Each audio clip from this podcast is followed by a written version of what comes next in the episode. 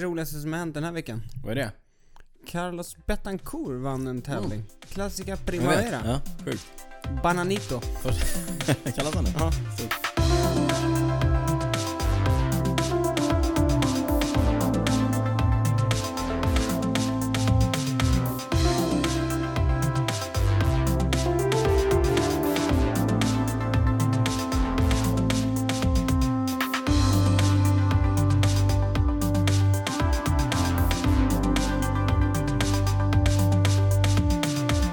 Sådär, hej och välkomna till det 39 avsnittet av Cykelwebben-podden med mig Daniel Rytz och på andra sidan bordet den tedrickande Niklas Hasslum. Vad har, Ja. du, i, vad har du i den där gröna koppen? Earl Grey. Mm. Lite honung. Lite honung? Mjölk? Pyttelite, pyttelite mjölk för att kyla Ja. ner. Mm. Mm. Är det gott? Det är, det är okej. Mm. Innan... okej. Låt oss eh, prata mer om cykel, mindre Mm. om te. Te, ja. Jag sa att det är, den, det är det 39 avsnittet. Mm. Vet du eh, vad det är 16 mindre än? Ja, det vet jag. Mm. För när jag kom hit så hade du på TVn. Ja, det är nämligen tisdag kväll. Mm, Den den 16. 16 april. Och tidigare idag så har vi bevittnat belgaren Vi har i bevittnat eh, historia. historia. Belgaren i Lotto Sodal-stallet, Viktor Kampenarts, har nämligen cyklat 16 kilometer längre än antal avsnitt som vi har gjort av Cykelwebben Mm, ja. podden och därmed raderat ut Sir Bradley Wiggins timvärldsrekord från historieböckerna. ja, och han har också knuffat bort eh, Cipollini som eh, officiellt Pratar räkneverk. ju inte om honom vad vi... Nej, han har också knuffat bort mannen vi inte pratar om som officiellt räkneverk för podden. Exakt, så nu siktar vi på 55 och det är alltså antalet hela kilometrar Ja. Som Victor Campenarts nyss då körde i eh, velodromen i Aguascalientes i Mexiko Ja. på hög höjd. Mm, Ja. det är hög höjd och Jag har ju hört Bradley Wiggins, han har ju eh, sagt att han tycker att det är bra att rekordet Mm. slås ut därför att historien, annars blir det bara dammigt liksom. Ja. eh, Rekordet och ingen bryr sig. Ja, jag hörde också det. Han, Men- han, han, han trodde på Viktor. Det gjorde han. Mm. Men han vidhöll också att han själv kommer ju fortsätta ha rekordet på havsnivå. Mm. Såklart. Såklart, Han är ja. lite större. Nej, han är rolig. Vi Mm. tycker om honom. Eh, Han cyklade ju 55 kilometer och 89 meter. Campenarts alltså. Mm. Just precis. Bradley, Mm. som vi kallar honom, Ja. som han heter. Sir Brad. Sir Brad, han Mm. cyklade 54, komma någonting. Komma 5 va? Ungefär. Har det inte i huvudet, men eh, det vi kan konstatera är att Campenarts är den första som enligt de nya reglerna Mm. tar sig längre än 55 km på Ja. en timme. Det är alltså det är fruktansvärt långt. Det- Ja, det är otroligt imponerande. Mm. Ja, nej, han höll upp det bra. Ja, det Han gjorde sa själv efter att han gick ut lite optimistiskt.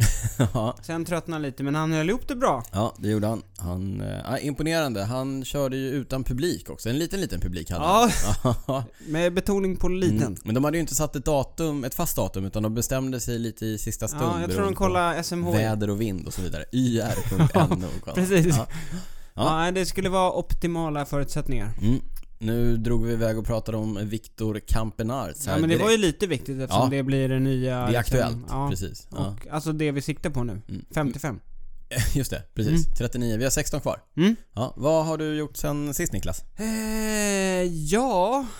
Vad har jag gjort sen sist? Jo, jo, jag har varit i Köpenhamn. Jaha, Mm. där hänger jag mycket. Ja, ja, ja. men du var inte där. Nej, jag var inte där. Mm. Jag, var ju lite ja. rädd att jag skulle bli... eh, Att de skulle ta mig för Mikael Rasmussen eftersom jag har klippt mig.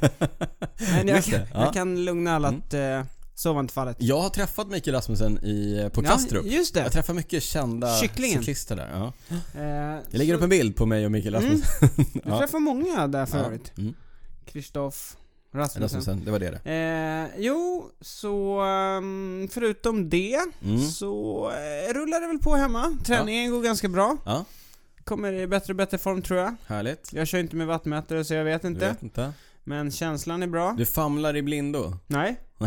Nej, jag tror på det jag känsla. gör. Jag Ja. tror på det jag gör. Yes, låter bra. Jag kör hårt, då vet jag att eh, formen kommer. Men eh, du är hemma bara en liten kort stund. Det är därför vi spelar in idag. Precis, tisdag. Vi brukar spela in på torsdagar Mm. men nu gäller det att passa på för jag Ja. är i eh, storstan, huvudstaden, mm, mitt hem också. Ja. Men eh, jag har ju varit i Spanien på träningsläger med Mm. vår eh, klubb. Lachemis CK. Ja. En vinnande klubb för Ja, det för återkommer vi till alldeles strax. Kul Men- grej, det här med din cykellesa. Du tränade mer på din cykelresa än vad jag har cyklat hela året. Ja, jag la ut lite siffror Ja. på min Instagram. Vad hade jag? 36,5 Ja, timmar? något sånt där. Mm. Jag tror jag typ har cyklat 36 timmar i år. Mm, 36,5 timmar på nio dagar inklusive en resdag och en vilodag. Det visade sig vara ganska mycket. Mm. Jag Du blir sliten eller? jag är ganska sliten eh, just nu. Ja. Ja. Men om man är... Jag gillar att cykla mycket i berg. Jag tror du ska om man är elitkille som jag. Nej, inte i närheten. Men om man gillar att cykla mycket i Mm. berg och man gillar vackra vyer och så Ja. vidare så kan jag varmt rekommendera. Det har vi fått frågor om också till våran Instagram. Vart vi, om vi har tips på bra cykelresor. Och här är då mitt tips. Vi åker ju till eh, Altea Mm. som ligger eh, Calpe precis strax utanför Alicante Solkusten. i Spanien. Costa Brava kanske? Ja, det kanske är oklart. Det är inte helt... Eh... Ja, men eh, och så vidare. Mm. Ja, men eh, där är det fantastisk eh, fin cykling. Lite mer krävande än Mallorca som ju är många svenskars favorit så här på våren. Mm. Mm. Men inte superlånga backar eller? Ja, liksom, Det finns ju några som är lite längre, Jo, men, det är ju några inte, som är det är inte som i Alperna liksom. Nej det är det inte. Det är inte så här de, de som är... Col du Tourmalet liksom. Nej men tuffa backar i liksom 20 minuters eh, klassen, inga problem. Jag skrev faktiskt det på min Instagram att jag måste skaffa en längre testbacke därför att min testbacke är kortare än 20 minuter. Jaha. Men då, jag ljuger lite för jag hade kunnat svänga vänster på toppen och få lite till men vet du vad? Jag var så trött. Okej. Ja, du var sliten då? Jag hade inte mer att ge. Nähä. Nej, och då hade jag bara kört i 18 minuter ungefär. Okej. Ja, så två minuter till men det hade jag inte riktigt i mig. Nähä. Vad siffrorna var, det låter vi eh, vara därhän. Som man säger. Jag tror man har kunnat sett det på din Instagram. Ja, jag har varit generös med siffrorna. Mm. Vi återkommer kanske till det, men innan vi gör det så vill jag berätta att precis som förra avsnittet så presenteras det här avsnittet av Cykelwebben-podden i stolt samarbete med tcmcykel.se, en av Sveriges ledande webbhandlare vad gäller cykel och cykeltillbehör. Just det. Och så påminner du om erbjudandet också. Klart jag gör det. Om man anger Cykelwebben-podden när man handlar på tcmcykel.se så får man just nu 10% rabatt på hela sortimentet av tillbehör och man får 15% rabatt på hjälmar ifrån Giro och Bell. Och det sa vi ju. Hjälmar är viktigt. Mm, ja, det tycker vi. Men en annan sak vi inte Mm. sa, det är att eh, erbjudandet gäller till den sista maj. Jo men det sa vi nog senast också. Men om man föredrar att strosa runt i en fysisk butik så går det också bra därför att TCM har ju en butik i Tyresö söder om Stockholm.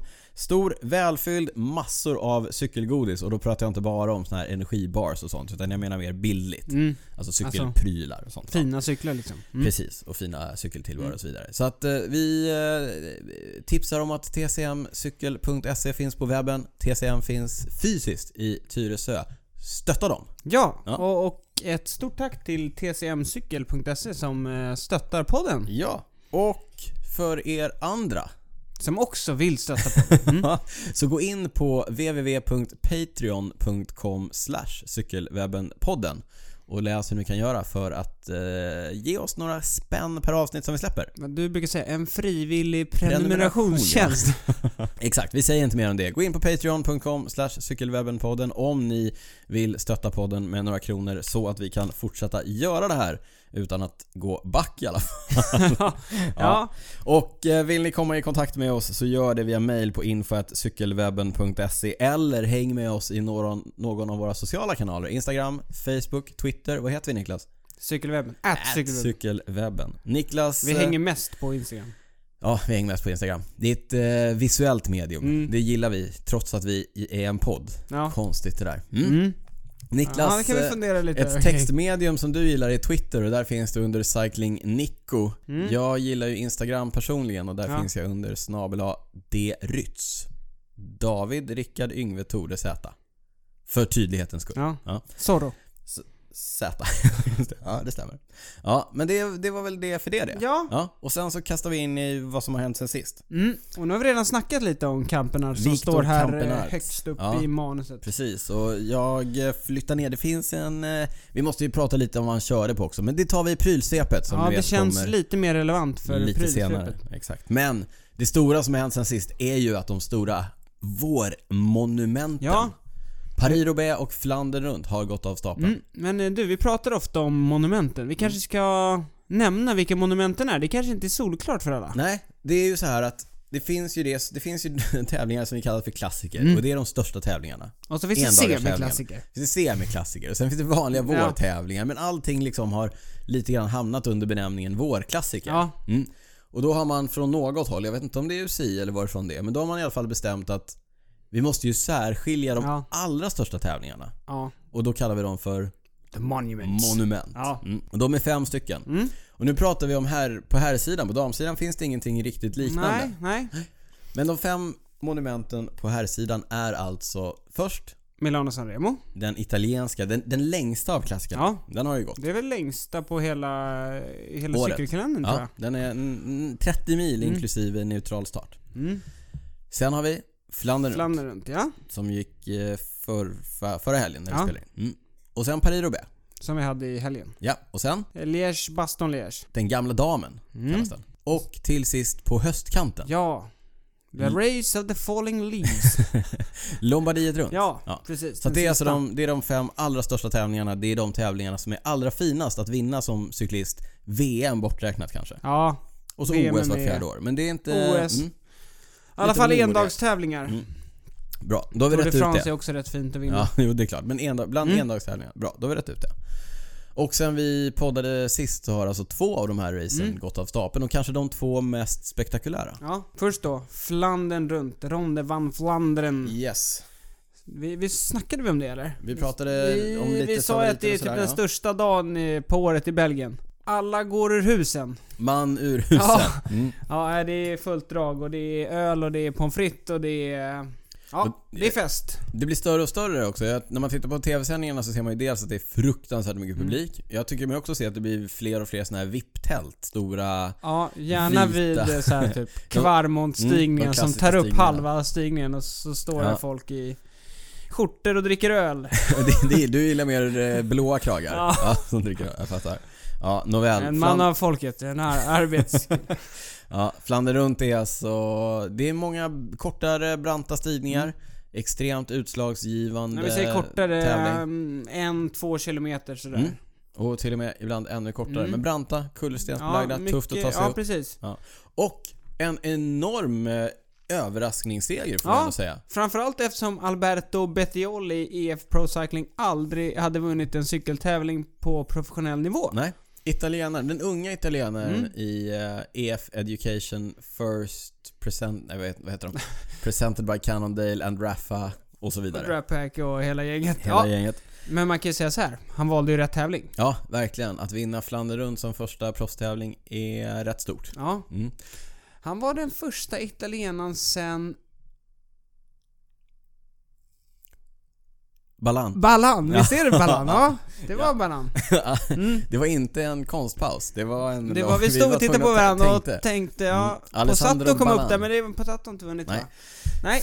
Eh, Men eh, fruktansvärt snyggt kört Han har av... ju varit... Eh, han har visat bra form ju. Det har han. Han har Under- varit där framme. Ja, Men att han skulle vinna Flandern, Ja. det tror jag inte att det var många som hade nej, bettat på. men han satte in en ordentlig attack. Han var, Mm. Det var ju upp för, jag tror att det var Kvarmåndstigningen va? Jag kommer faktiskt inte ihåg. Han var ju till och med nere i bocken. Mm.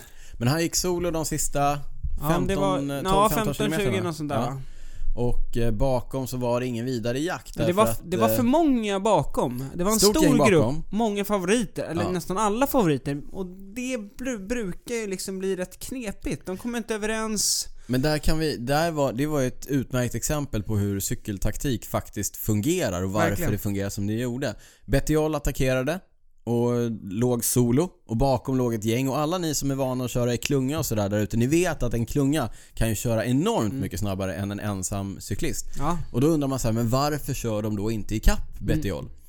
Anledningen är att det var ingen som ville jobba därför att man vet också att om man jobbar hårt i klungan så försätter man sina chanser Ja. gentemot de andra i samma klunga. ja, och sen så satt ju vissa med en ganska bra spurt också. Alexander Kristoff, min polare. Mm. Eh, Peter Sagan var där. Michael Matthews tror jag också var Michael där. Matthews. Jag tror Degenkolb kanske var med också. Ja, men det var ett gäng med bra spurtare, så då ville de som kanske inte har så bra spurt, då ville inte de eh, gå runt och hjälpa till. Nej, precis. Och sen så hade ju faktiskt Bettiol lagkompis kvar i den gruppen också.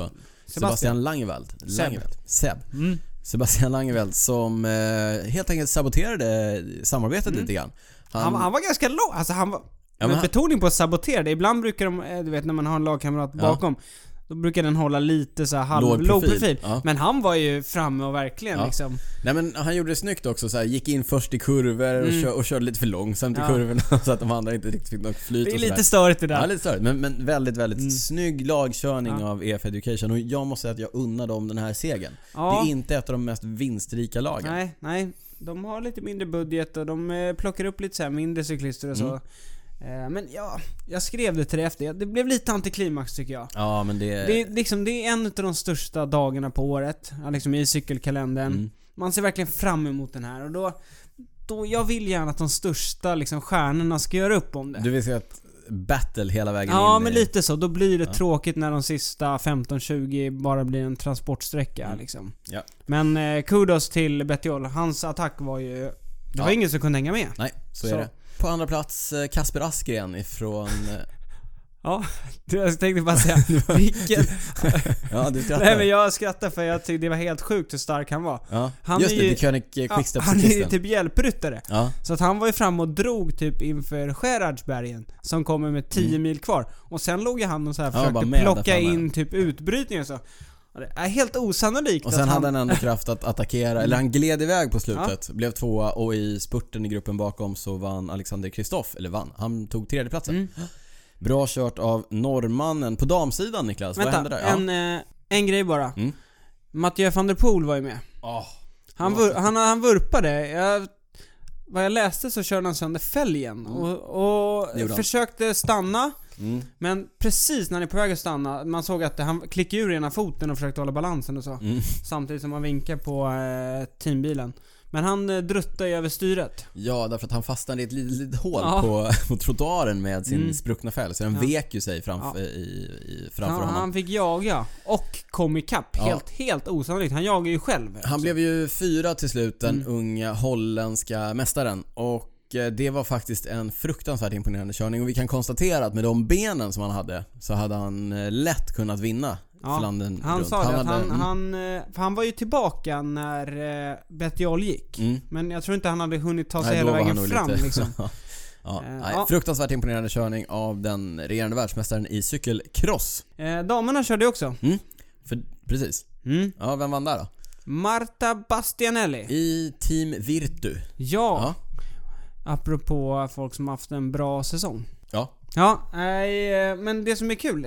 Damerna har ju ett Flandern. Mm. För ja, precis. nu snart kommer vi in på Paris-Roubaix då, Mm. som är den andra det andra monumentet som har gått nu. Och där finns det ju faktiskt inget Nej. damrace. Precis, så att Flandern är ju ett av de absolut största tävlingarna Mm. för damerna under året och eh, Marta Bastianelli, den italienska spurtaren hon har ju en fantastisk säsong. Hon Mm. har legat lite lågt i några år. Hon Ja. var världsmästare för typ 10 år sedan. Tio år sedan. Hon vann Nu- väl eh, Europamästerskapen förra året Förra året, precis. Men Mm. nu har hon blommat upp igen och eh, kört hem eh, massor av fina segrar redan, inklusive då Flandern runt.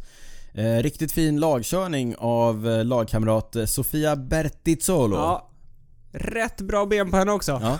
Hon var ju framme och bombade ganska mycket för att hålla uppe tempot. Mm. Ändå tog hon fjärdeplatsen. Kasper Askren of the Women's Ja, Race kan vi... 21 år också. Ja, jag tror hon kan bli något. Spännande framtid. En sak som vi lägger upp och länkar till, det Mm. är ju intervjun med Cecilia. Uttrup Ludvig. Danskan som eh, är idrottsvärldens mest uttrycksfulla Mm. person, kanske. Men hon är en sån som liksom säger något i intervjun. Ja, liksom, verkligen. Hon kör inte efter något eh, in, är inget manus. tränat manus där. Nej. Inte Hon mediatränad. var ju trea. Danskan. Mm. Van Vleuten var tvåa, Cecilia Uttrup Ludvig var trea. Men Ja. en eh, fantastisk intervju efter. Mm, Alltid. Mm, helt Eh, underbart. Vi har ju sett från henne tidigare men den här är ja, mycket, mycket rolig och vi, vi länkar till Ja. den sagt. Eh, men som vi sa. eh, Vidare till eh, Paris-Roubaix då. Paris-Roubaix Mm. som kördes i helgen. Klassikernas klassiker. Kullerstenskriget. Tycker du? Ty, gillar Nej, jag du vet inte. Paris-Roubaix Jag mer? gillar allt lika mycket. Nej, gör du? Mm. Nej, det kan man inte Ja, göra. allt lika mycket. Jag gillar med Flandern mer. Ja, Ja. skitsamma. Mm. Paris-Roubaix. Ja. Där har vi noll backar. Ja, verkligen. I stort sett. Ja, i stort sett noll backar. Men det som gör det racet så speciellt är ju de... 25 tror jag va? Ja, något Eller sånt. Eh, lite mer kanske. 28 typ 6... Kullerstenspartierna Ja. som sammanlagt ger drygt 5 mil stenhård jag, cykelåkning på eh, kullersten. Mm. Och när vi säger kullersten så är det inte sån här gatsten som man ser i eh, svenska städer som är ganska Gränna. jämn och fin. Exakt. Nej. Det är inte som i Gränna. Det, det är som någon har sagt, det är som om de har flugit helikopter över ett fält och bara så här hällt ut lite stenar Ja. på måfå. Mm. Jag såg en rolig bild på Twitter, de hade så Är det här med Oreos? Ja precis, Ja, så hur många kakor. Oreos-kakor hur man, man kunde lägga emellan liksom. Mm. Det var det tre eller fyra stycken. Och typ någon colaburk ja, också. en colaburk vi försöker hitta den emellan. Men det, det vi försöker säga är att det är så fruktansvärt Mm. dåliga vägar och det, cyklisterna själva beskriver det som ett slag mer än en cykeltävling och det Ja. förstår man verkligen. Det punkteras, det körs sönder hjul, det körs sönder cyklar, det körs sönder cyklister Mm. eh, och så vidare. Och Ja. det handlar ju väldigt mycket om att eh, dels vara skicklig på cykeln men det handlar också om att eh, ha tur, eller i alla fall inte ha otur Nej. i Paris-Roubaix om man ska få sig en ordentligt Mm. bra placering. Och det är lite roligt. Vi eh, återkommer till resultat och sådär Mm. men dagarna efter Paris-Roubaix, vi amatörcyklister Mm. ägnar oss ganska mycket åt att eh, komma med ursäkter. Ja. Nej, hade det inte varit så, hade Mm. det inte varit, du vet så. Och eh, proffsen, eh, jag tycker inte att det brukar vara så mycket sånt. Men efter Paris-Roubaix, jag har aldrig sett så många proffs gå ut och säga så här, ja jag, hade punkt, jag fick en punka Mm. där och där, det, det förstörde min dag, ja jag tappade kedjan Mm. där och där, det förstörde min dag. Men de är inte vana med sådär mycket strul heller. Nej, För det, det, allt händer verkligen. verkligen. Den som hade minst otur då, och som var allra starkast, det var ju en av dina absoluta favoriter. Ja, alltså, det, det låter som att jag, att jag gillar alla. vem som helst. Ja, Ja, nej men jag gillar Philippe Gilbert. Ja Och han tog, tog för övrigt sin, sin, eh, sitt fjärde eh, seger i en monument. Nej, femte seger i en monument, Nej. av fyra. Han har vunnit eh, någon, Ja, ja precis, någon ja, du menar så. Precis. Ja, Men han har vunnit fyra olika monument. precis, fyra monumenten. Vi pratade ju om det förra året. Han körde ju sin hashtag Strive for five. Ja. Det vill säga att han Då skrattade vi lite åt honom. ja, siktar på att vinna Mm. alla fem monument. Han har ju vunnit eh, då Lombardiet, han har vunnit Liège, han har vunnit Flandern gjorde han väl för två år sedan, Mm, eller ett år, två år sedan. Ja. Eh, och nu har han då vunnit Paris-Roubaix. Paris-Roubaix. Bara Milano Sanremo som Så saknas. jag läste en rolig tweet att eh, det var någon som skrev 'Guys, you know which wheel to follow the following years' ja, nu vet ni. Han kommer striva för den femte i... eh, Philip Gilbert kommer attackera uppför Poggio nästa år. Ja, det Mm. kan vi konstatera. Men eh, som han körde, Ja. belgaren. Den 38-åriga belgaren. Är han så gammal Ja, redan? jag hörde hans, jag tror det, jag hörde hans eh, sportdirektör Patrick Lefebvre, inte poddens favorit, men ändå. Nej, Ja, ja, he's like a fine wine. såklart han. Åldras med stil. Mm. Mm.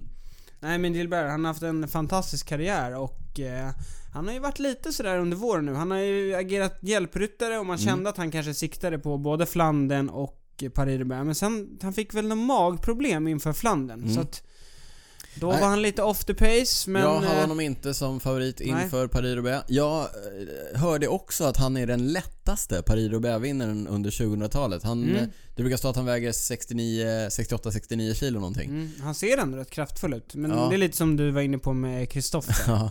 Ja. Han ser också ganska stabil Stor ut. ut, Liksom. ja. Och så är han supertunn. Men eh, cyklisterna som brukar vara bra på just Paris-Roubaix, Mm. de är ju lite större, lite tyngre och lite åkstarkare. Men, eh, eller åkstarkare. Mm.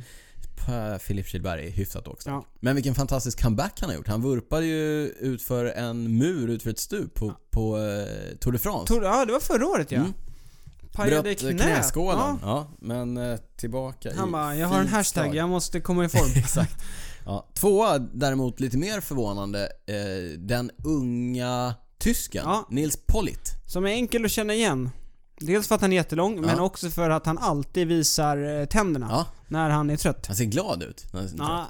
trött. Ja. Han är lite, han börjar bli lite av en eh, så här semi-favorit, apropå mina favoriter. Han, han, Mm. Han är rolig för att han, han är ju väldigt offensiv. Det var lite han också som, det var han Det var som faktiskt hans- attackerade första gången, fick med sig Gilbert. Och sen kom det upp en grupp och sen attackerade han igen. Så att han, han skapade faktiskt racet. Verkligen Tycker jag. snyggt eh, vågat. Han körde inte defensivt, Nej. eh, den unge tysken. Men som vanligt så kan vi konstatera att Gilberts lag, The König Quickstep, var fruktansvärt bra på dagen. Mm. De kom in med fyra man bland de åtta bästa. Gilbert etta. Ja, Yves Lampart trea. Senechal typ femma. Ja. Och Ja. sen Stüby va? Åtta. Stenning Stibar åtta. Ja, ganska bra kört. Sju Mm. man får man starta med i Paris-Roubaix och de hade alltså fyra av dessa sju topp åtta. Eh, vi skickade ett krya på det till Iljo Keije, Trots att han... Eh, trots att han inte är poddens favorit längre. nej, Men eh, han körde ju rakt in i en eh, sån här vägskylt som ja, markerar det en refug. en, man, man fick inte se den smällen, det kanske var lika bra. Det var lika bra det. Det var en ordentlig smäll Mm. för eh, Iljo Keije. Men det var ju, om vi bara ska gå in lite på slutet, så eh, Gilbert och Pollitt kom ju loss Mm. på slutet. Mm. Och sen kom ju Lampart också Mm. loss, han jagade ju dem. Så jag tror han var lite stressad där Pollitt. Han Ja. var liksom tvungen att ta lite mer Mm. ansvar vad han egentligen ville. För, för Gilbert är ju den stora stjärnan. Så att egentligen var det ju lite Gilbert som skulle ta ansvar, men eftersom Lampard var på väg ikapp, Mm. Då blev det lite att Polits, ville Polits chanser Ja. att vinna skulle ju varit cirka noll om Ja. ja. Lampard hade kommit Men-. Ja, Vet du vad jag tror? Jag låt tror höra. Gilbert var supersugen på att vinna själv också, Ja, så han jag ville också. verkligen inte ha Nej. upp Lampard. Nej, jag tror ju att han, han eh, fuskade nog inte med sina förningar i Nej, alla fall. det hade varit spännande att se om Pollitt inte hade hjälpt till. Nej, vad Och hade bara sagt då? nej men vi släpper upp Lampard så, Så får han ser vi, vinna. ja. Ja.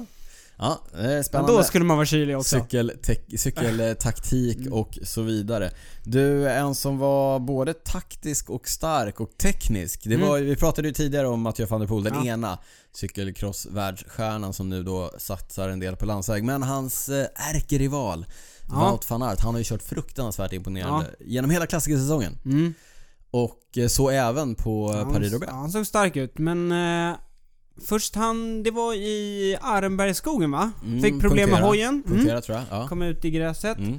Så han fick byta cykel. Mhm. Och sen så när han började jaga så vurpade han i en kurva. Såg lite Ja, konstigt ut. Ja. Han, han, jag tror att han först lånade han någon annan cykel, Mm. en lagkompis cykel. Sen bytte han tillbaka till sin egen cykel och sen såg vi honom i en vanlig enkel högerkurva det, på var, asfalt. det var inte speciellt skarp Ingen, heller. nej, ingenting. Ja, han la sig ner där. Men Ja. det, de spekulerade lite grann om han hade punktering på sin reservcykel där eller inte. Men Okej. det vet vi ingenting om. Men, men eh, det du ska komma till, antar Mm. jag, det är att han kom tillbaka. Ja, alltså om ni har möjlighet till det eller om vi kan hitta det eller om det är någon som har klippt ihop hur Wout van Aert tog sig igenom karavanen, det vill Mm. säga bilarna som ligger bakom, servicebilarna som ligger Ja. bakom tävlingen. Hur han tar sig igenom dem och zigzaggar sig fram där, tar hjälp. Man får ju ligga på, på rulle på bilarna Mm. eh, om man har haft tekniska problem. Så det gör han ju, eh, med bravur. Mm. Mm. Men, men jag, jag tycker det här är lite tveksamt. För han vurpade ju också. Han Ja. var ju inte ikapp då. Och han Nej, hade aldrig kommit tillbaka till, eh, utan till täten utan bilarna.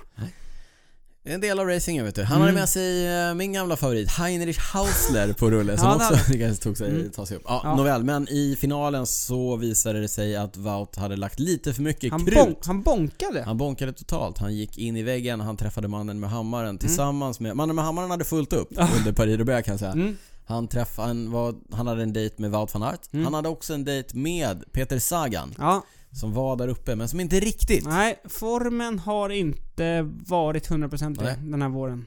Det har han inte. Men med det sagt, om man tittar på hans resultatrad på klassikerna så har han väl aldrig varit sämre än topp 10 ändå. Nej, han är, han är med där framme. Konsistent är han den gode Sagan. Ja, Mm. men du. Ja. Poddens absoluta favorit. ja. Lars Bohm. Ja, ja, ja, Lars Bohm, ja. Mm. Om du tyckte att Wout van Aert var tveksam i sitt eh, användande av bilar och karavan, vad, vad säger vi om Lars Bohm? Lars, du tänker på Lars Bohms Sticky Bottle? Mm. Mm. Den var extremt Ja. sticky. Eh, men han har sett fram emot det här racet.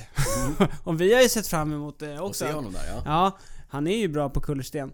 Eh, och ganska, ja men med, kan det ha varit? Det var en 10 mil kvar så här. Då var han framme, han var långt framme och då Ja. tänkte jag Det här kan bli riktigt Idag är bra. Idag är dagen. Idag är dagen. Tänk, om det, tänk om han är med där framme.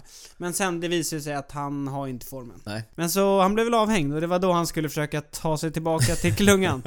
Så Ja. eh, hittade han sin, Kameran, kameran fångade honom när han eh, träffade sin teambil. och behövde en flaska. Ja, ja, han hade ja. svårt att få loss den Mm. ur handen. Han liksom fastnade med handen, ja. Nej, han åkte helt enkelt snålskjuts med Ja. hjälp av en vattenflaska. Ja. Så får man inte göra. Nej. En, eh, en Vincenzo Nibali gjorde han. Ja, han Mm. f- åkte ut ur uh, Vueltan. Vueltan. ja, han gjorde samma sak. Ja. Han har, det är lätt hänt. Man blir Mm. stressad, man tycker att man har haft otur, man kanske försöker kompensera det på ett lite Och oschysst så är det en sätt. massa andra som också gör så. Ja, precis. Problemet var att Lars är en av de stora stjärnorna så, så de hade Så då var en kameran där, motorcykel exakt. med som filmar allt Ja. han gör. Ja, Ja, så eh, de som hade rättigheterna hade boomwatch. ja de, Ja, de hade lyssnat på podden. Så de Exakt. visste vad de skulle följa. Ja, nej, men han slutade till slut 74. Ja. 15 minuter efter. Du, på tal om att sluta långt bak och i fältet och så vidare. Mm. Vi, eh, vi hade ju förra året så var det ju en sån riktig eh, sagolik historia va? Ja, eh, du... Sjuskovic, Sisi, vad heter han? ja.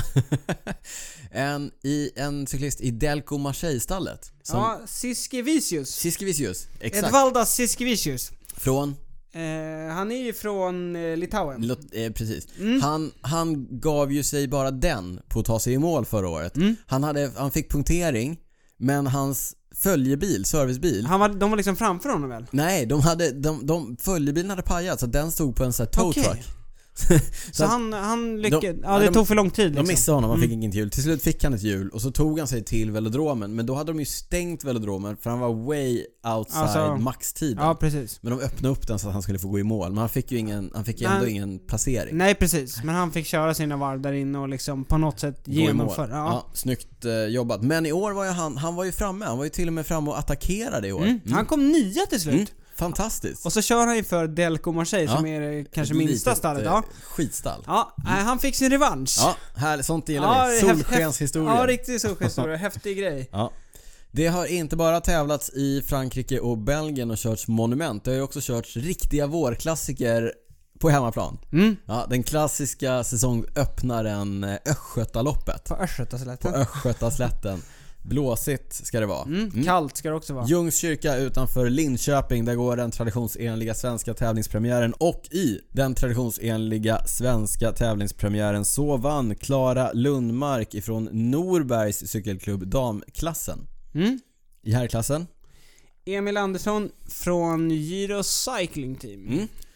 Och eh, en eh, speciell liten shoutout va? Det måste Mm. vi ändå göra. Ja, Till vår lagkompis. Tillika mannen bakom The Race Day. som, har sponsrat podden förut ja. i poddens eh, begynnelse. Mm. Gå in på theraceday.se och eh, kolla vad Gustav Deijert svänger ihop för schyssta grejer. Mm. Gustav vann seniorklassen. Ja. Stort grattis Gustav. Bra kört. Spurta... Ja, hem storspurtaren. segern, ja. Mm. Han är inte Härligt. så stor för övrigt. Nej, fast stor, storspurtare. Det är Mm. billigt talat. Ja, det är jag med på. Mm. Stort eh, grattis till Gustav. Innan vi går vidare så måste vi också göra en speciell shoutout till vår poddlyssnare Ulrika Olsson som efter några års eh, cyklande, Mm. men inte liksom så, inget tävlande, Nej. till slut vågade ställa sig på startlinjen i damelit. Ja, i elit också. Ja. Mm. Det är, jag tycker det är modigt och Ja. eh, snyggt och vi är jätteglada över att vi har kunnat inspirera Mm. och pusha Ulrika att faktiskt börja tävla. Superkul! Ja. Tråkigare nyheter. Vi har nåtts av två dopingfall. Ja. Jaha. Den ena är poddens favorit. Så mycket favoritsnack idag. Ja. Nej. Men eh, den första som, som vi faktiskt har snackat lite om och det är Mm. väl därför jag sa att det var poddens favorit. Det är ju Denise Betsema. Mm. Årets genombrott i cykelcross-svängen på damsidan. Ja, hon är väl ganska ung också Ja, och nu har det så att säga fått sin förklaring. Mm. Hon, Hon har åkt fast för... Är det EPO eller? jag tror att det Ja, är det- på. Ja. Så det var ju tråkigt. Mm, det får man säga. Och på herrsidan så nåddes vi också, det var idag eller var det Mm. igår? Idag tror jag, men... eh, Är han argentinare? Nej, han är Colombia. Colombian. Charlinson Pantano Mm. i Trek-stallet. Också där EPO. Precis när man tror att det börjar bli renare så nås vi av de här Trodde du det? jättetro... Ja men det tror jag ändå. Men vi nås av de det här tråkiga nyheterna om och om igen. Ja, jag kanske ska sluta hoppas. Mm. Mm. Jättetråkigt. Jag vet inte vad mer jag ska säga om det. Nej, Nej, fruktansvärt tråkigt. men det, det man kan säga är att man blir ju lite konfundersam när liksom... Nu, Pantano är ju en hjälpryttare liksom. Mm. En, ja men en så här ja. halvbra hjälpryttare som syns i lite utbrytningar. Mm. De andra då? Jag Ja, förstår, jag förstår det hur du är tänker. lite så. Vi behöver inte gå in på det nu, men tål att tänkas på. Mm. Charlinson Pantano kör i Trek. Trek eh, har haft en riktigt dålig säsong på Mm. här sidan. Damsidan går det bra. Ja, Men på här sidan så är det fortfarande skralt Ja. med resultat får man ändå säga. ja, de som följer mig på Twitter kunde nog läsa, jag tror att det var i höstas, typ när alla värvningar så var klara. Mm. När jag satt och kollade på Treks lag så skrev jag Treks lag nästa år på klassikerna. Wow. De kommer göra kaos. Följ, Så Edward Tynes, eh, Degenkolb, ja, Stuyven, ni, Alex hör, Kirch. Ja. ni hör här lyssnare, följ Niklas Hasslum på Twitter för de riktiga liksom eh, skarpa insikterna. Ja, ja, nej där, eh, Nej, där sköt jag snett kan ja, man säga. det får man säga. Det har gått riktigt, riktigt eh, dåligt. Med cyklister som eh, John Degenkolb, mm. eh, Stuyven, Stuyven framförallt. Jesper Stuyven och eh, Mats Pedersen, den Mm. unga lovande dansken. Så hade man ju hoppats på betydligt mer Mm. ifrån de röd De tog i och för sig en andra plats på eh, Gent. Ja precis, Ja, efter John Degenkolb, precis. Men inte så mycket. Men eh, på tal om Trek, det ryktas om att den italienska etapploppsspecialisten Mm. och eh, faktiskt duktiga endagscyklisten, han har ju vunnit både Lombardiet runt och Milano Sanremo. Vincenzo Nibali. Ja, kanske den största italienska stjärnan just nu. Absolut. Han eh, ryktas vara på väg Mm. till Trek efter att han inte har kunnat komma överens med sitt nuvarande Bahrain Merida-stall om eh, pengarna i sitt kontrakt. Ja, eh, jag antar att det är stålarna. Man tänker Mm. att det kanske inte bör vara något problem för... eh, En stjärna som Nibali. Nej, eller jag tänker mer för... För Bahrain Merida? Bahrain, liksom. Nej.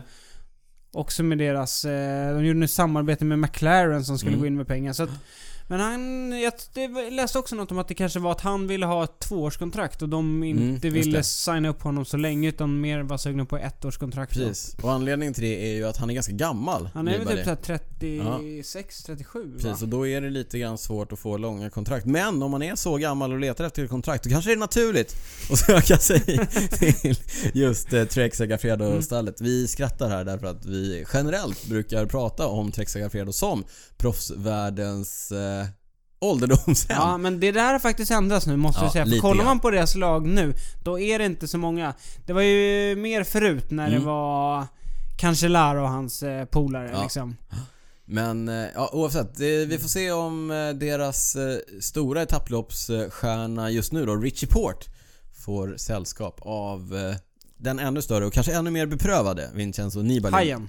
Hajen Lo Squalo. Mm. Ja, precis. Eh, någon som har vunnit mer än hela Trekstallet eh, gemensamt under året är irländaren Sam Bennett som Ja. jag har pratat om flera gånger. Ja, han vann senast igår igen. Idag. Idag. Idag. Ja, i Tour of Turkey. Turkiet. Ja, det sätter väl lite grann press på... vi har ju pratat om det här innan. Det är kul att följa. Ja, det är kul att följa Bennett Watch. Mm. Han eh, var ju en av de bästa sporterna i girot förra året. Har blivit petad från girot därför att eh, Bora Hansgrohe som han kör i har en tysk spurtare som han istället vill eh, satsa på. Men Bennett bevisar gång på gång på gång på gång på gång att han är värd platsen Mm. i eh, laget. Mm. Vi ser vad som händer. Det är ju bara roligare ju mer han vinner. Ja, exakt. Här, eh, hur många segrar till måste han ta för att de ska börja fundera Satsa på, honom. ja. Eller fundera, det gör de antagligen. ja, det är klart de gör. Men eh, ja, vi får se. Ja men jag tror, eh, som du sa, Pascal Ackerman, han har väl tagit en seger i år. Så Mm. att han är inte helt under isen. Nej. Han har agerat lite hjälpryttare här åt Sagan också sådär. Mm. Men, eh, ja. ja, spännande. Huvudvärk för eh, ledningen Ja. i... Och eh, roligt för eh, Sam Bennett. Jag tycker att han verkar vara en sympatisk Ja, spurtare. jätte, apropå, eh, vi pratade lite om Uttrup Ludvigar. Hon Ja. är, det är inte på samma nivå, men han är också en som ändå liksom, han säger lite mer än alla andra i Ja, intervjuerna. verkligen. Han är öppen med vad han Mm. tycker och det tycker vi är eh, förfriskande. Mm. Säger man? Uppfriskande. Uppfriskande. Tack. Mm. på, vi, på, jag försöker komma på en bra övergång här och det är ju inte så svårt. Vi har pratat om Roubaix och sådär och det finns ju enormt mycket Ja. prylgrejer att, att snacka om Vi brukar snacka, veckorna. vi snackade om det någon gång förut? Att inför eh, Paris-Roubaix, då Mm. brukar det alltid komma massa nyheter också. För det är massa cykeltillverkare som kommer med nya high-tech lösningar och ja. Mm. Och det absolut mest eh, lämpliga att prata om är ju det faktum att Specialized i samband med Paris-Roubaix i år släppte en ny version av sin eh, vad ska man säga, kullerstensracer, komfortracer. Komfortracer ja. Mm. Eh, som då heter Roubaix. ja. Nya nyheter, de har ju haft den här Future Shock som Mm. är en dämpare som sitter liksom i gaffelröret. Ja. Som gör att den är lite dämpad fram helt enkelt. Ja. Eh, Future Shock 2.0 kommer de med nu och den är, den är liksom... Tidigare så har det bara varit en fjäder men om jag förstår det rätt nu så är det faktiskt dämpning Okej. där framme. Så att eh, faktiskt riktig eh, dämpning som ger då mer komfort. Går den att låsa då eller? Den går också att låsa Ja. för att få den styvare. Ja. Den har lite olika settings med en ratt som sitter ovanpå styrröret liksom. Okej, Som man kan styra i farten. Okej, ja. Mm, Mm. Verkar ju funka rätt bra då med tanke på att de hade fyra av de bästa åtta som körde på den nya Robin i eh, Paris-Roubaix Mm. i år. Eh, och Peter Sagan och så vidare. Mm. Så att, ja men den verkar ju ha funkat bra. Två centimeters dämpning ungefär tror jag Ja, man jag får. tror jag läste Mm. det. De Det känns ju, rätt mycket alltså. Ja, men eh, förstå vilken dröm för PR-gänget på Specialized att eh, veckan innan lansera den här Ja. hojen och eh, sitta och titta på hur The König Quickstep-gänget bara Mm. rasar in med topplaceringar med den nya Robin. Ja, det var ju en ganska snygg eh, reklamfilm när de släppte den. Mm. Det var ju bland annat Anna van der Breggen va? Just det. De körde igenom Mm. Arenbergsskogen som de gör på Mm. Paris-Roubaix. Och sen det avslutades något i stil med att eh, cykeln är både för herrar och damer. Precis. Tyvärr inte racet. Nej, inte race den. Men det bra, var snyggt. Ja, bra ställningstagande. Specialized, eh, slår ja. tillbaka lite här efter Ilio Cages eh, Ja.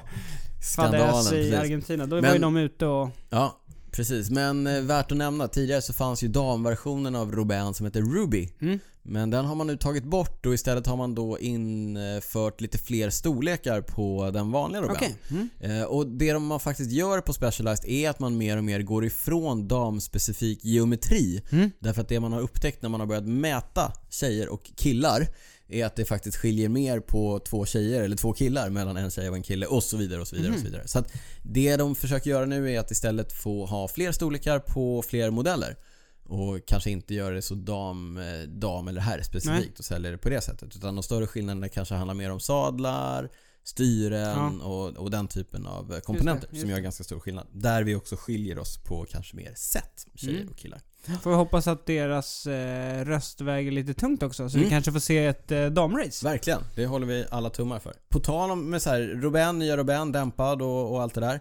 Eh, Philippe Gilbert körde på den, det kanske var det som gjorde skillnaden. Mm. Men värt att notera, Nils Pollitt, han körde ju på en Canyon Aeroad Mm. och eh, kom Som tvåa. du! Precis som jag, Ja. Fast med skivbromsar. Ja. Det, jo men det kommer jag också köra i år Ja. förresten.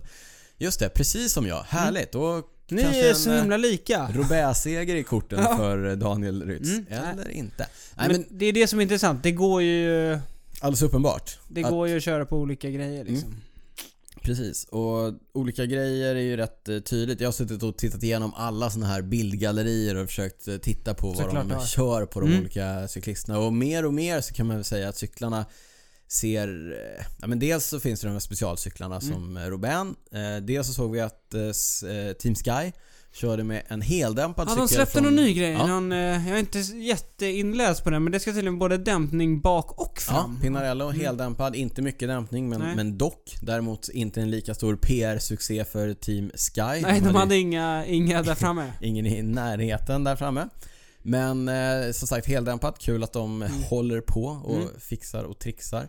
Men eh, som sagt, eh, Nils Pollitt på en aerohoj eh, Mm. utan några problem där framme.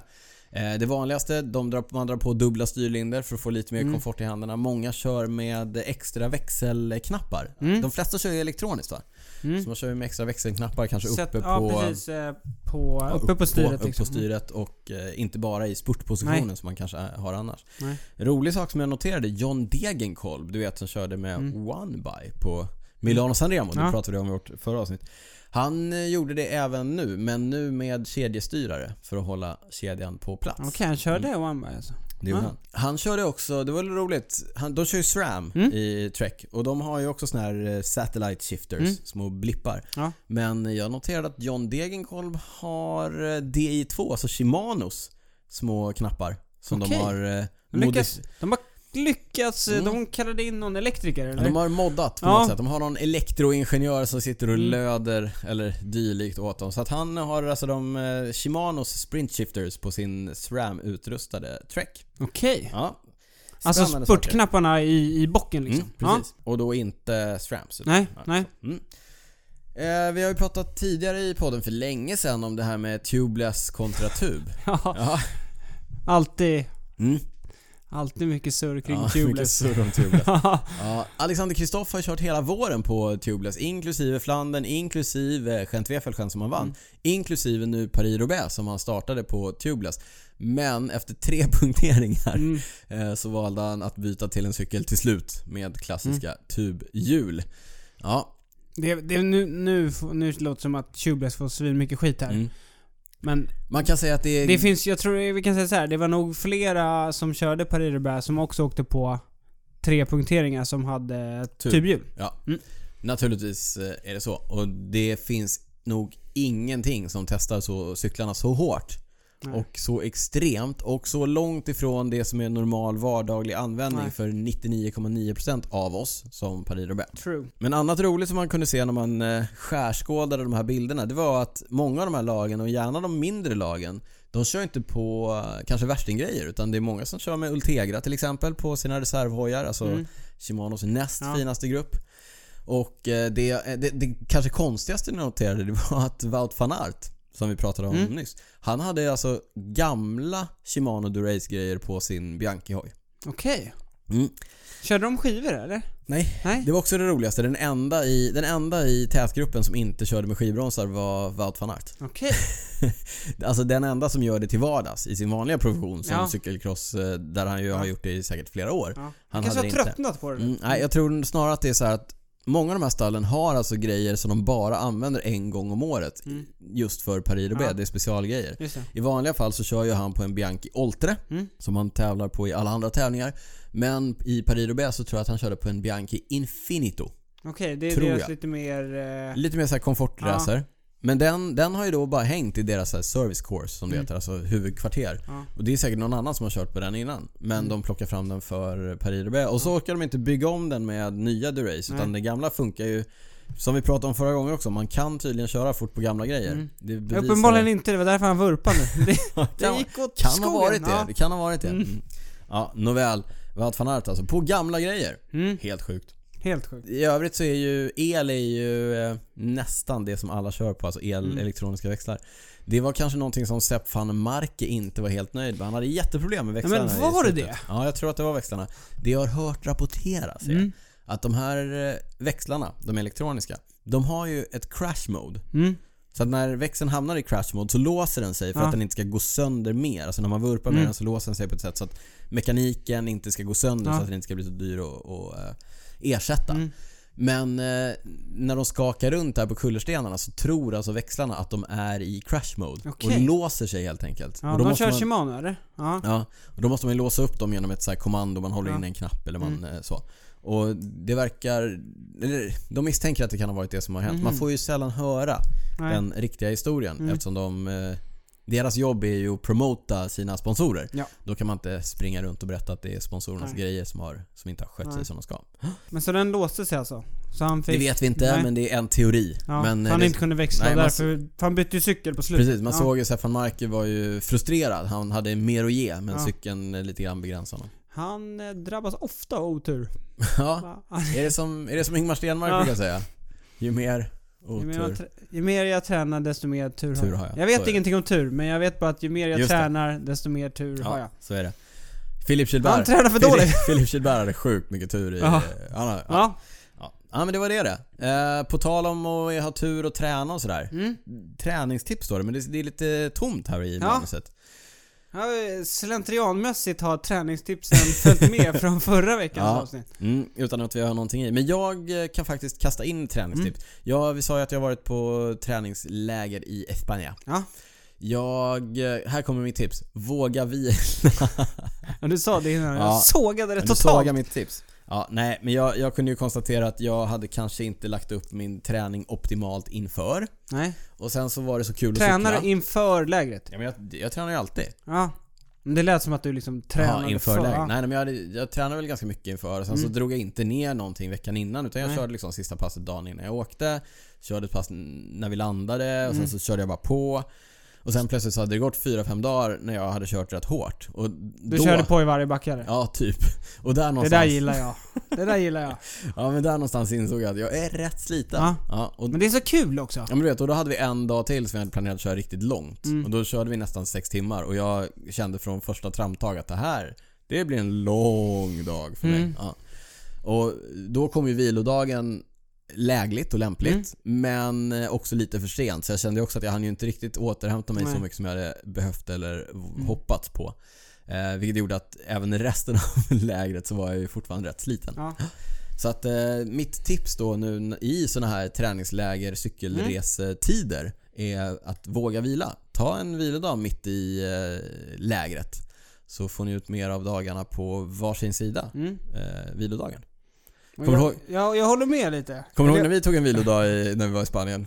Tre och en halv timme? Ja, precis. Ja, det var lite dumt. Det var när jag hade varit magsjuk och blev magsjuk Mm. igen efter. Ja, Och vi bara, men vi tar en lugn och platt runda. Mm. Ja, vi körde typ tre och en halv timme och 1500 höjdmeter. Ja.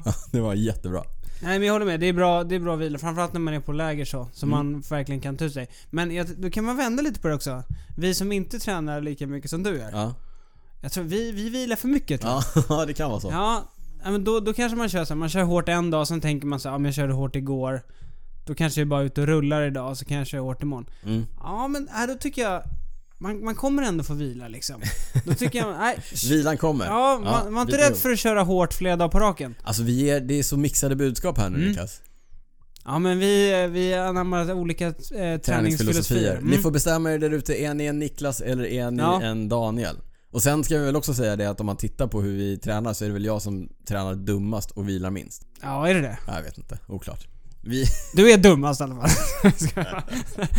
Ja, dum eller inte, ska vi Mm. försöka svara på lite lyssnarfrågor innan det är dags att wrappa upp ja. avsnitt 39 av Cykelwebben-podden. Det här första är ju inte en eh, fråga, det är Jo. ett konstaterande. Nej det, det, var, det var ett frågetecken faktiskt. Ja. Det var en apropå eh, Mikael Rasmussen. ja, Mm, som var en väldigt duktig klättrare. ja. Vi har fått en, ett påstående, eller en fråga, Mm. av eh, en av Sveriges bättre klättrare, Ja. eller? Ja, precis varit och kört Tour of Marocko där han eh, placerade sig högt i totalen om jag inte har helt fel. Ja. Hannes Bergström Frisk. Han, det är han som tycker att du ser ut som eh, Rasmussen. Ja, han. En Mm. svensk tycker det. Ja, ja. Han är inte dansk. Nej. Nej, nej. Ja, det var lite kul grej. Men eh, kul. Bra resultat där. Ja. Då fick vi nämna det också. Memil Pro Cycling Mm. som Hannes kör för har varit och kört i eh, Marocko. Jag har följt honom på Instagram. Mm. Han och Fredrik Ludvigsson har väl också ja, varit där va? precis. Det verkar ha varit en riktigt legendarisk tävling. Det Ja. verkar, ja, Vi det verkar vara full gas. Ja, det är det nog hela tiden. Mm. Det är ofta så när det är de lite mindre stallen. Det är mer anarki i den eh, klungan. Ja. Eh, några tips på wattbaserad träning, upplägg, analys och utförande undrar Builder. Mm. Det här är Ett Matti- stort ämne. Ja, det här är ett stort ämne. Ska Känns vi, som- ska gick vi i- lova runt och, tänk, och tycka att vi kör en wattspecial framöver? Ja, vi får ta hit Mattias igen. Vi tar hit Mattias, jag bjuder på eh, lite siffror från en annan nivå, Mm. kanske. Ja men lite tips och sådär. Men nej, det är lite för, svår, för stort att ta som en tit- tittar, lyssnarfråga så här. Men det vi kan säga är, om man inte har lyssnat på avsnittet med Mattias Räck så är det ett, ett eh, bra ställe att börja på. Ja, och ett annat bra ställe att börja på är att köpa boken Racing and Training with a Power Meter av Hunter Allen. och Andrew Coggan. Ja. Finns på Amazon. Jag tror det, det kan finnas på andra ställen Finns på också. andra ställen också.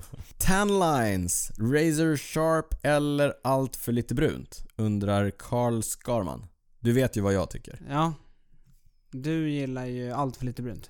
Jag spenderade ju 10 år drygt med superskarpa tan lines. Mm. Verkligen. Mm. Superduper skarpa tan lines. Ja. Nu gör jag allt för att få bort dem. Så fort solen skiner så rullar jag upp cykelbyxorna Varför- så varför mycket gör du jag det kan med. Nej, men jag, jag är faktiskt trött på att se ut som en fjant i, när jag har badbyxor på mig. Jag ser ut som en fjant när jag har badbyxor på mig ändå men, men man kan se lite mindre ut som en fjant. eh. Okej. Och sen, sen tycker jag inte att det är sådär häftigt som jag tyckte en gång i tiden. Okej, nej.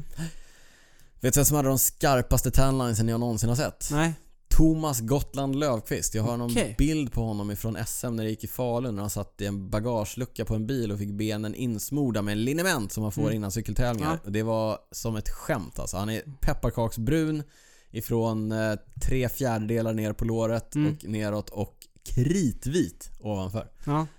Då tyckte jag ändå att det var lite coolt. Mm. Ja. Men du, apropå eh, tanlines. Mm. Bilden jag la upp på Mikael Rasmussen. ja, han är inte så tanned. Nej, Nej, vi lägger han upp den är i... tanig. Ja, Mm. Vi lägger upp den på cykelwebben.se tillsammans med avsnittet så Ja. får ni se hur Mikael Rasmussen såg ut i sin karriärs glansdagar. Ja, tunn Skrämmande. eh, blekfisig och bruna armar. Ja, och jättemycket leverfläckar. Mm. Ja, En till fråga. mm. Cykelkeps, vanlig keps eller ingen alls? Här står vi med varsin vanlig caps på Ja, vanlig keps eh, Mm. får tummen upp. Mm. Jag har cykelcaps ibland när jag cykelfikar. Då har- brukar jag ha den i, i ryggfickan sådär. Och så plockar jag Mm. fram den när det är dags att fika. Mm. Du har väldigt sällan Ja, jag har svårt för cykelkeps. Ja. Jag, Jag tycker inte det är speciellt snyggt heller. nej, jag tenderar att hålla med i de flesta fall. Jag, jag tyckte ju det var lite coolt att ha så här under hjälmen innan, men det är inte min grej längre. Nej, jag tycker... Så här tycker jag. Mm.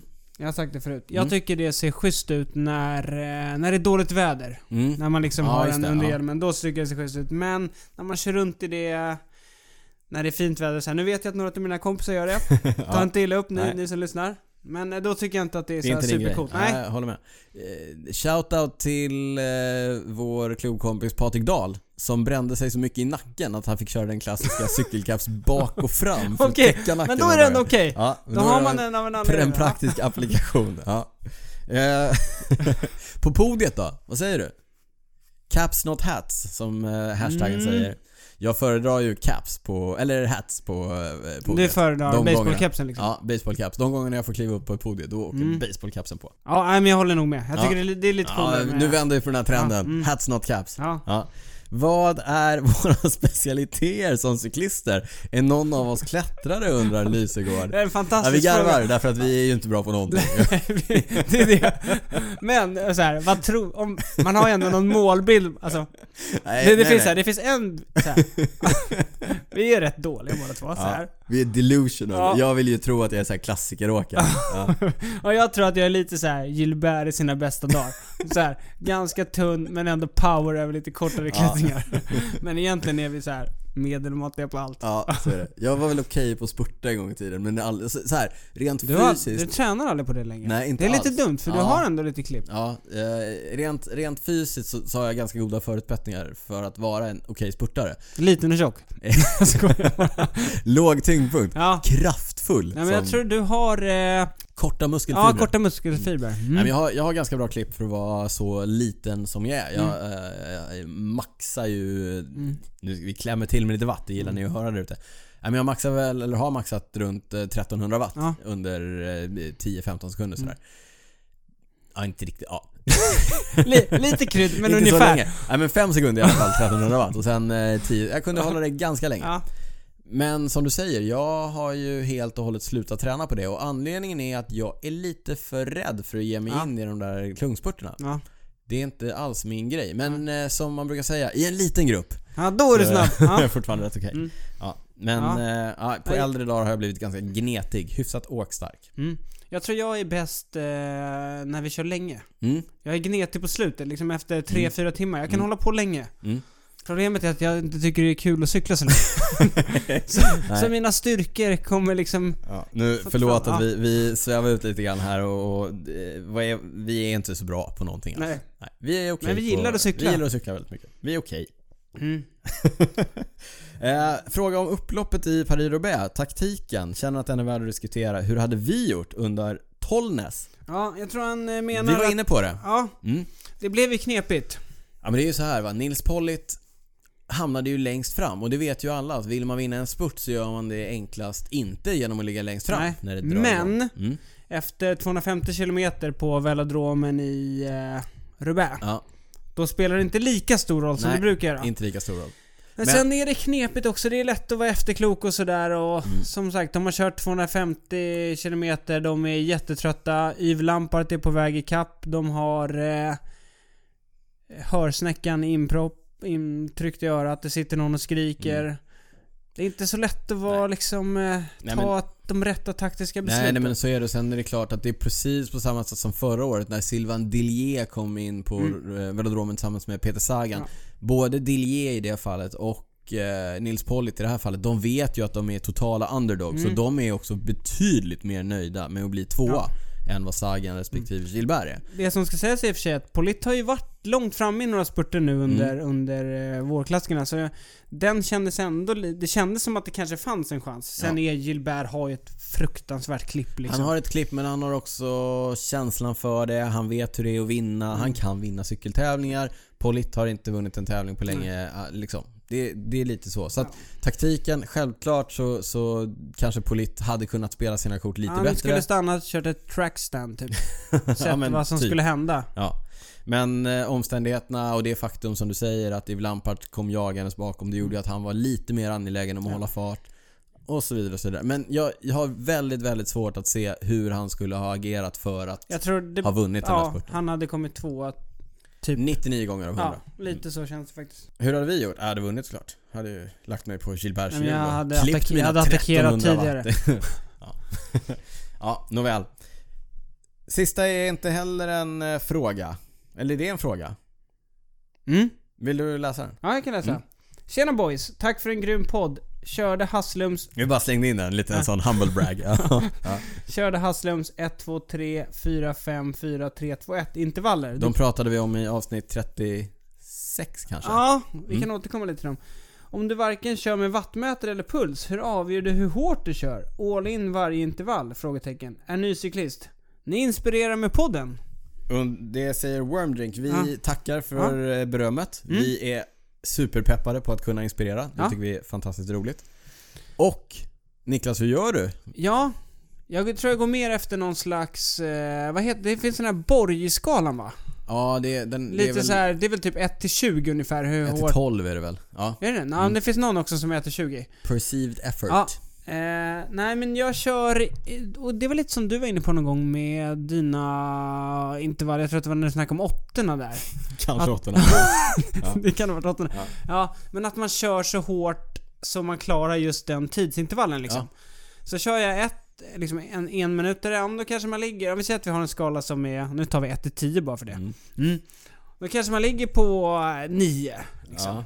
Och sen det blir, så sen blir det två minuter. Ja, då får man sänka den där lite då. Så Ja. man ska klara två minuter. ja, just det. Och sen, så man sänker lite Men i liksom. princip är det ju, det är i princip all in Ja, för, på varje intervall, men så länge som man klarar. Ja, men, man, men om man, om man skulle kolla med en wattmätare så har man ju... Betydligt ett- högre på ettan än på femman. Ja, precis. Ja. Exakt. Ja, ja men så är det. Du kan inte, du, om, om du skulle köra så hårt som du gör på ettan, på femman, då skulle du ju dö efter en minut och två sekunder. Mm. Inte dö, du skulle inte orka mer. Nej, men sen skulle de sista tre minuterna Ja, på skulle femman behöva- skulle vara... Ja, men du skulle behöva sänka så Ja, otroligt mycket. exakt. Ja, så att idén är, handlar ju om att försöka... hålla så högt... Eh, Mm. Så mycket tryck man kan under den... Under längden på den liksom Och det där kommer ju väldigt mycket med eh, rutin. Så att eh, räkna med att du kommer faila på några av dem där under eh, några gånger eh, innan du får det rätt. Ja, men det är också nice att faila ibland. För då vet man att man har kört för hårt och då Exakt. vet man att man har tagit Då man ut sig. Och gränsen. det är en skön känsla. Det gillar man. Även om man är väldigt irriterad när man ska köra femman och är helt slut. Ja. Men eh, som sagt, det går jättebra. Det pratade vi också om i förra avsnittet. Det går jättebra att eh, köra på känsla. Men eh, bara för frågan var ju också om jag inte kör med puls heller. Mm. Och just såna här kortare intervaller, då är det ju supermäckigt att köra med puls. Ja, det spelar det går ju inte. för pulsen kommer ju så långt efter liksom. Exakt. Kör du en en minuts intervall så har hjärtat inte ens förstått att du har dragit igång Nej, nästan. Innan du är färdig. Ja, det var nog alla frågor. Innan vi avslutar helt och hållet så påminner vi om att veckans avsnitt presenteras i samarbete med tcmcykel.se, en av Sveriges ledande webbhandlare för cyklar och cykeltillbehör. Och vet ni vad? Den här Specialized Roubaix som vi pratade om, fyra stycken av de åtta bästa på Paris-Roubaix. Den finns att klämma på i butiken Ah, som spännande. ligger i Tyresö strax utanför Stockholm. Men om man vill ha lite specialrabatt bara för att man lyssnar på Cykelwebben-podden så gå in på tcmcykel.se och skriv in Cykelwebben-podden när ni lägger er beställning. Då får ni 10% rabatt på alla tillbehör eller 15% rabatt på hjälmar ifrån Giro och Bell. Gäller till sista maj. Bra Niklas! Och, och det är viktigt med hjälm också, eller hur? Mm. Det Så- är faktiskt jätteviktigt. Ja, det är det. Stort tack till tcmcykel.se som sponsrar Cykelwebben-podden. Vill ni ha koll på vad vi håller på med när vi inte står i studion så följ mig på Instagram. Jag heter attdrytz. Följ Niklas på Twitter. Han heter atcyclingnico. Följ oss på Twitter, Instagram, Facebook, YouTube brukar vi säga men där händer Mm. inte så mycket. Där heter vi att cykelwebben. Strava också. Strava där finns också, vi. där Mm. finns vi. Där kan ni se hur mycket eller lite vi tränar. Mm. Vi finns naturligtvis också på cykelwebben.se där vi lägger upp bilder, Mm. länkar, filmer, klipp, allt möjligt Mm. som vi pratar om i avsnittet. Och så finns vi på patreon.com slash cykelwebbenpodd. Cykelwebbenpodden. En frivillig prenumerationstjänst Mm. där du som eh, lyssnar kan eh, stötta podden ekonomiskt. Mm. Det har sedan vi poddade senast Peter Samuelsson gått in och gjort. Stort tack till Peter och alla andra våra Patreons. Ja, tusen tack. Tusen tack. Innan vi avslutar, Mm. vad har du inte kunnat släppa Daniel? Ja, lite sorglig grej den här gången. Jag såg faktiskt en, det dök upp i mitt flöde. Där jag såg att en gammal amerikansk cyklist, Rebecca Twigg, som var stor på 80 och 90-talet. Massor av VM-medaljer, OS-medalj, VM-guld och OS-medaljer. Nu lever som hemlös Ja, det såg jag också Mm. faktiskt. Men jag läste inte artikeln. Nej. i Seattle. Och eh, de skrev ingenting om det men det känns ju som att hon inte är helt eh, sund i, eh, när det handlar om eh, psykisk eh, hälsa, mental Okej. hälsa och så vidare. Och så kommer jag också att tänka på Pete Kenyak som tidigare kört i Team Sky länge, numera i Bora Hansgrohe. Eh, han är väl från Isle of Man Ja, han också va? Han, eh, precis Han och Cavendish. Ja.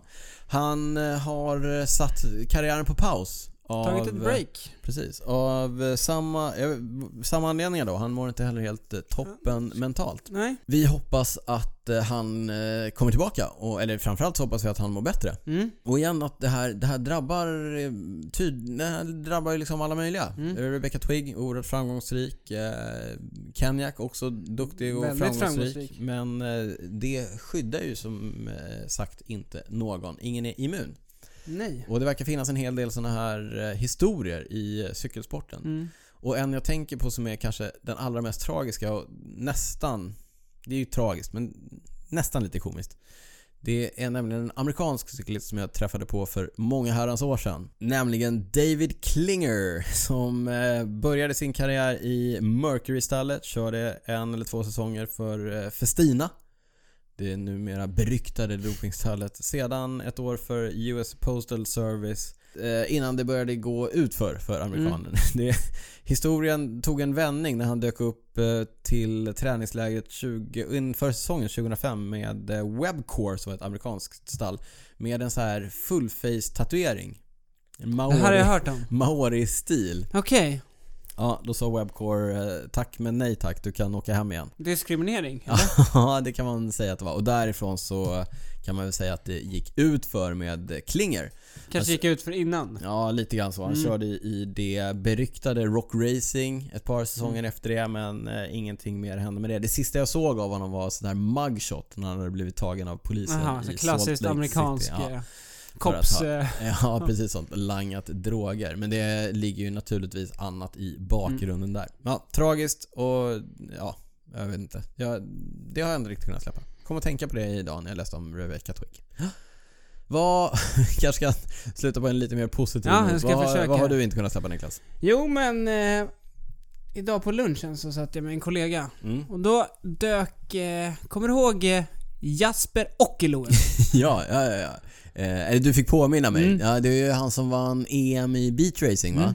Innan Lars. Alltså Innan Lars, 2017. Det var när, precis när vi hade dragit igång podden. Då Ja. pratade vi beatracing i ett av de första avsnitten. Ja.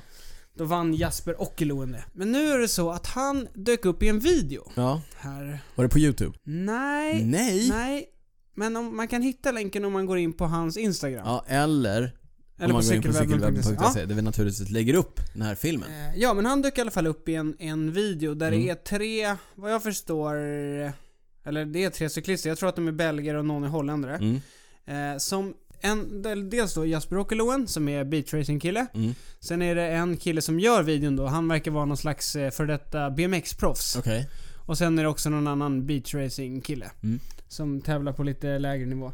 De gör ett försök att ta KOM Mm. på Carrefour de Lavre. Alltså Strava-rekordet Ja. på en av de tuffare Ja, kullerstenssektionerna på Paris-Roubaix. Exakt, det är ju Arenbergsskogen och jag tror att det är de här två som är femstjärniga. Ja. Eh, Alltså de tuffaste. Vä- väldigt intressant också. Vi var inne på det hur tufft det faktiskt är. Mm. Alltså hur, eh, hur hårda de här eh, Ja, proffsen kör ju Ja. rätt hårt. Mm. Men, men det ska ju sägas när de kommer dit, då är det oftast rätt utspritt. Så att där Ja. klarar de sig själva. Det är inte så mycket hjälpryttare Nej, in nej, där. nej, absolut inte. Eh, Men det börjar med att de eh, är där och rekognoserar då på dagen liksom. Ja. Och det första den, här, den killen då som gör videon säger, det är liksom Shit! Alltså, är, det här är helt sjukt. Ja. Det ens går att cykla på de här. Men eh, jag ska inte avslöja för mycket. Nej, vi lägger upp Men jag videon. tycker det är värt att kolla. Det är en ganska lång video. Mm. Eh, typ 20 minuter. Oj, Ja, du... På jobbet sa du? Ja på lunchen. Mm. Okej, ja förlåt. Mm, Bra. Precis. Ja. Men eh, kul att se hur Ja. de, eh, det som är roligt också. Proffsen, vi var inne på det. Någon kör på den här eh, Robert-hojen, Mm, någon Nils på Arrow. kör på en Arrow. Eh, de här dyker upp med Jesper Ockelund då, Mm, som beachracing-kille. Han dyker upp på sin beachracing-hoj med superbreda... Feta sulor. Däck, ja, precis. Eh, någon dyker upp på den här Cannondale-crossen som är med en liksom dämpad Just gaffel. det, med en lefty. Ja, någon eh, dyker upp på en, mount, en lite moddad mountainbike ser det ut Ja. som. Ja. Ja, det är, ett, eh, det är intressant att se. Ja, kul. Eh, Mm, Vi lägger upp en länk på cykelwebben.se. ja.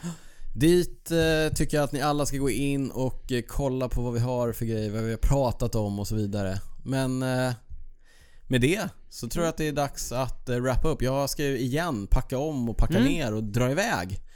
Och det börjar bli sent så Mm. att eh, Det, blir blir, dags att... det ska bli påsk. Mm, precis. Eh, trevlig påsk säger vi till alla lyssnare. Vi släpper Mm. avsnittet eh, Hoppas ni hade en trevlig... Nej! Det är ju påsk. Det är annandag påsk Annandag när vi påsk. släpper det. Ja, Så tänk på hur många som kommer ha tid att lyssna nu på podden. ja, precis. Ja, härligt. Nog om det. Eh, ja, vi hörs nästa gång och stort tack för den här gången. Ja. Ciao, ciao. Ciao!